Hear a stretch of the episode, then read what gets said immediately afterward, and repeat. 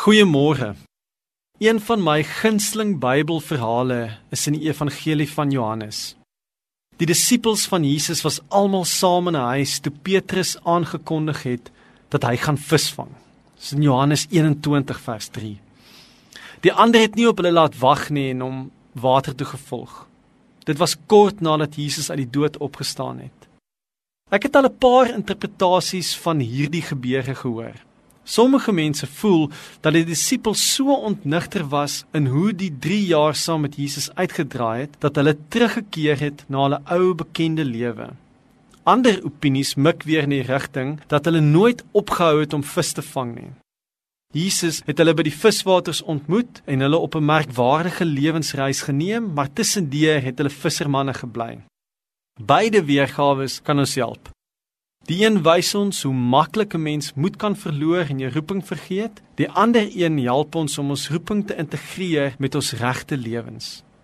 Jesus ontmoet ons waar ons is en gee ons 'n roeping binne ons alledaagse lewens. Maar dalk is daar 'n meer eenvoudige verklaring vir hoekom hulle daardie dag gaan visvang het. Hulle was honger. Om honger of dors te wees is 'n belangrike tema vir al in die evangelie van Johannes. Dit begin met 'n groot dors by 'n troue. Ek is die lewende water, sê Jesus later oor homself.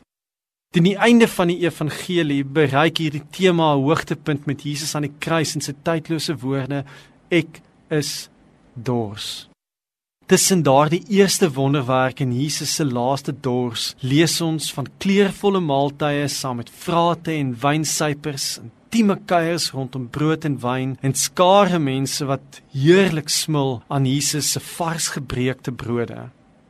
In al hierdie verhale ontdek ons 'n Here met 'n eetlus.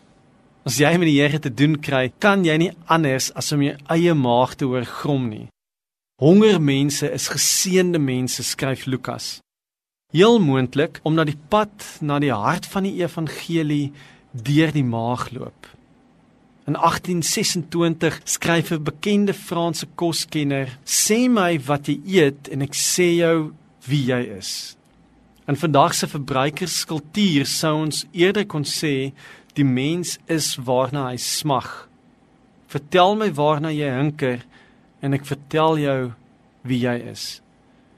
Jesus het eeue gelede verstaan dat daar 'n verband is tussen wie jy is en waarna jy dors. Om te smag na die wil van die Here is deel van die pad na geluk. Matteus 5:6. Jesus het sy vriende geleer om oor grense te eet. Hy het hulle nuwe eetlus gegee, hulle fyn proewers van geregtigheid gemaak. As jou maag knor weens die verlange dat die wêreld 'n veilige, betroubare, heel en regverdige plek vir alle mense sal wees, dan is jy 'n eregas aan die tafel van die Here. Mag jy aansit by hierdie tafel en jouself trommeldik eet. Amen.